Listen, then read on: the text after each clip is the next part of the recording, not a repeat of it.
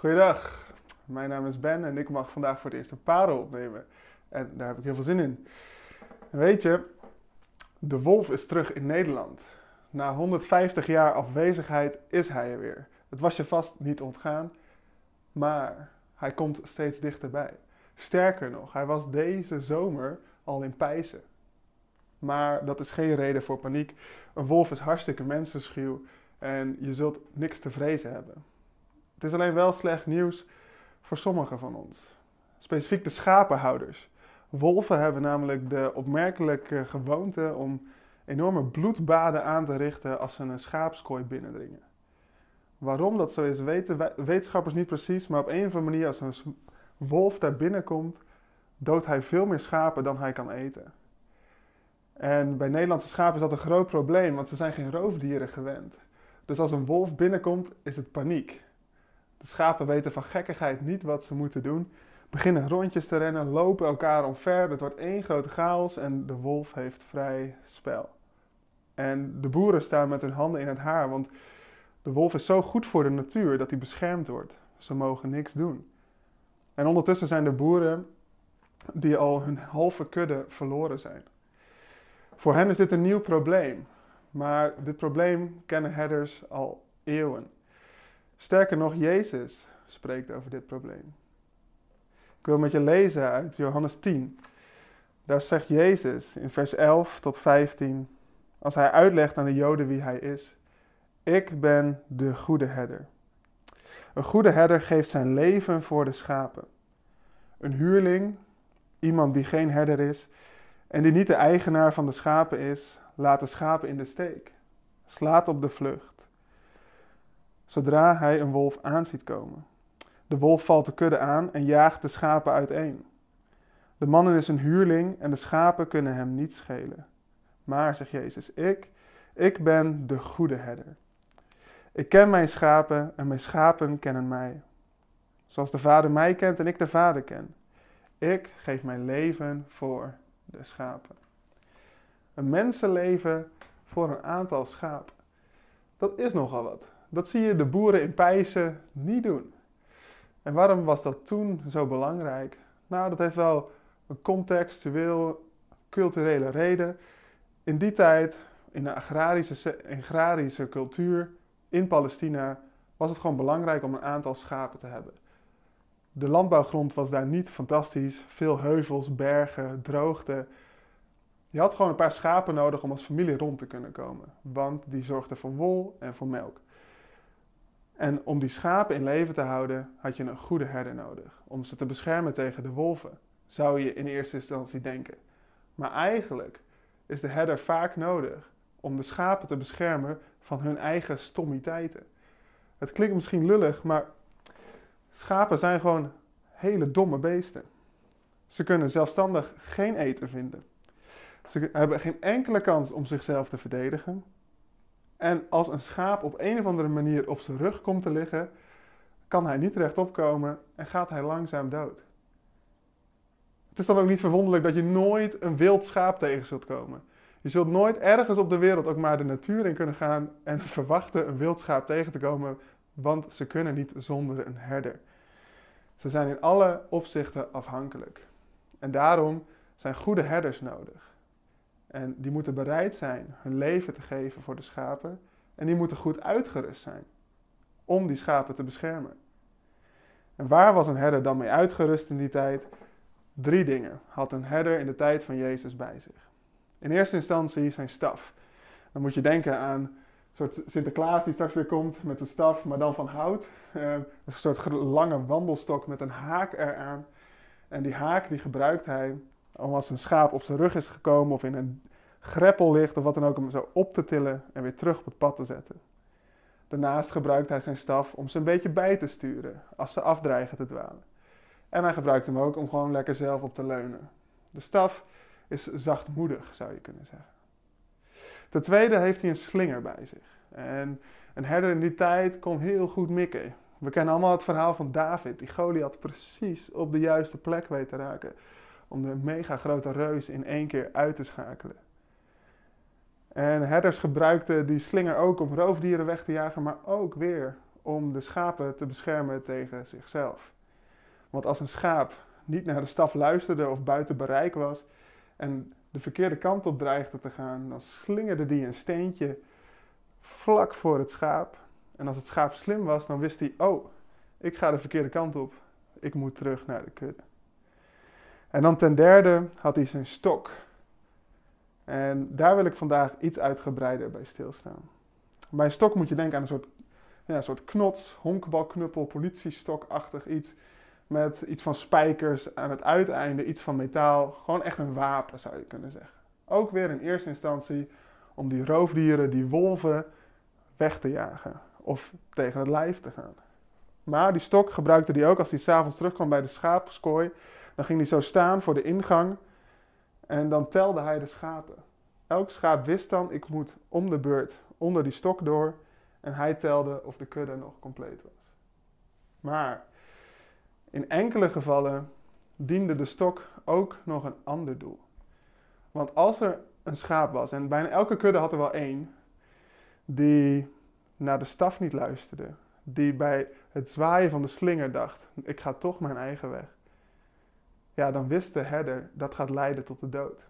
Vroeg of laat gaat dat schaap van een klif afvallen. Gaat dat schaap een wolf tegenkomen. Komt hij op zijn rug terecht, wat dan ook. Dus dat schaap mag niet zijn eigen weg gaan. Wat doet de herder dan als dat schaap denkt: Nou, weet je jongens, die herder van ons, leuk en aardig, maar ik kies lekker dat pad, want dat ziet er mooi uit. Dan uit liefde en zelfbescherming voor dat schaap nam de herder zijn stok en brak de poot van het schaap. Vervolgens spalkt hij dat. Dan pakt hij het schaap op, legt het in zijn nek en daar liet hij het genezen. Dat schaap dat brengt daar dan de komende weken door, meestal een botbreuk. Nou, bij mensen meestal zes weken, bij schapen vast ook. Zes weken lang brengt dat schaap door op de schouders van de herder. En in die tijd gebeurt er iets heel bijzonders. Waar dat schaap hetgene was die altijd wegdreef, die altijd zijn eigen gang ging, wordt dat schaap daar ja, vernieuwd. Die raakt vertrouwd met de stem van de herder, die ziet alles wat hij doet en die leert, oh, deze persoon is te vertrouwen. En wat er dan gebeurt na die weken, dan kan hij weer lopen, dus dan neemt de herder het schaap van zijn schouders, zet het op de grond en het schaap kan lopen en dat schaap verlaat nooit de zijde van de herder. Die loopt altijd strak naast de herder. Dus wat doet de herder dan? Die neemt een belletje, hangt die om het schaap en maakt het zijn belschaap. Zodat als een ander schaap het pad kwijtraakt, de herder kwijtraakt en denkt: help, waar is iedereen? Dan hoeft hij maar te luisteren. Ding, ding, ding, ding, ding. Daar is mijn herder, want daar is het belschaap. En weet je, ik herken mezelf vaak in dat eigenwijze schaap.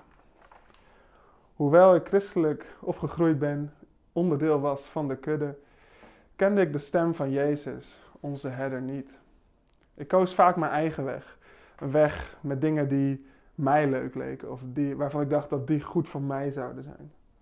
En terugkijkend zie ik veel momenten waarop de herder mij terug probeerde te roepen. Tijdens supergave tienergroepkampen of inspirationele kerkdiensten of jongere dagen, wat dan ook. Dan werd ik altijd weer geraakt, maar vervolgens koos ik weer mijn eigen weg. En dat leidde langzaam tot een patroon waar ik verstrikt raakte. Een patroon van, ja, van leugens, van verslaving, van angst en onzekerheid. En ten diepste vertrouwde ik hem niet, omdat ik bang was dat wat hij voor mij had niet hetgene was wat goed voor mij zou zijn.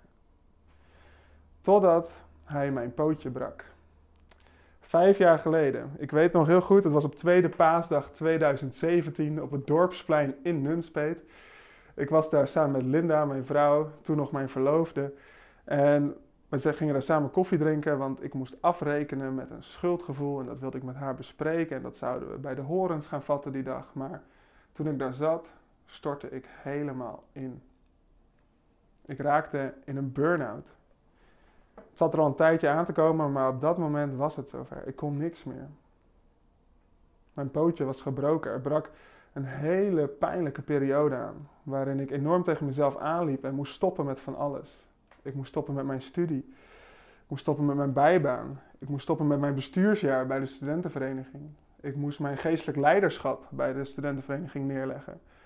Want zelfs de dingen die ik ogenschijnlijk voor Jezus deed, deed ik ten diepste voor mezelf. Al die dingen deed ik om een gevoel na te streven van erkenning of eigenwaarde.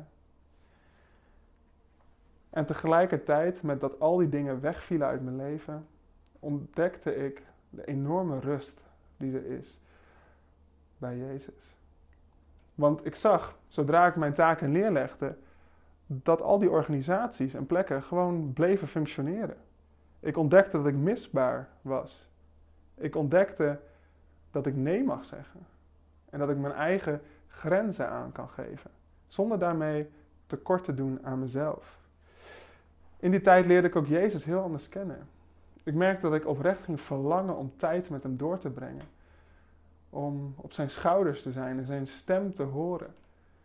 Het, hoeft, het was niet meer dat ik dat moest vanwege de functie die ik inzat, of dat mijn ouders het zeiden, of dat de Bijbel dat nou eenmaal tegen je zegt. Nee, ik ging echt verlangen om bij Hem te zijn. En door dat proces vond ik genezing. Wonden van vroeger werden genezen en ook mijn pootje werd genezen.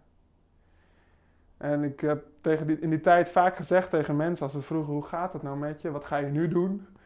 Dan zei ik altijd: Het enige dat ik nu nog zeker weet, is dat ik Jezus wil volgen en met Linda wil trouwen. Dat heb ik gedaan en het andere doe ik nog steeds. Daar zou ik uren over kunnen doorpraten en dat zou ik graag een keer met je doen onder een genot van een goede kop koffie. Maar voor nu gaat het mij erom dat de weg die Jezus voor je heeft beter is dan de weg die je zelf voor ogen hebt. En dat heb ik zelf mogen ervaren, dat deed pijn. Maar uiteindelijk ben ik hem zo dankbaar en wil ik niks liever dan getuigen van zijn grote goedheid, zijn liefde en zijn genade.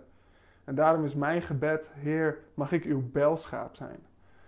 Mag ik degene zijn dat als mensen op zoek zijn naar u, dat ik daar mag zitten, dat ik daar mag lopen en mag zeggen, ding, ding, ding, bij Jezus moet je zijn. Want dat is waar ik gevonden wil worden. En hoe zit dat voor jou? Is Jezus jouw herder? Ken je zijn stem? Of ga je vaak je eigen weg? Weet je, hij roept je. Hij heeft zijn leven al voor jou gegeven. Hij wil ook jouw goede herder zijn.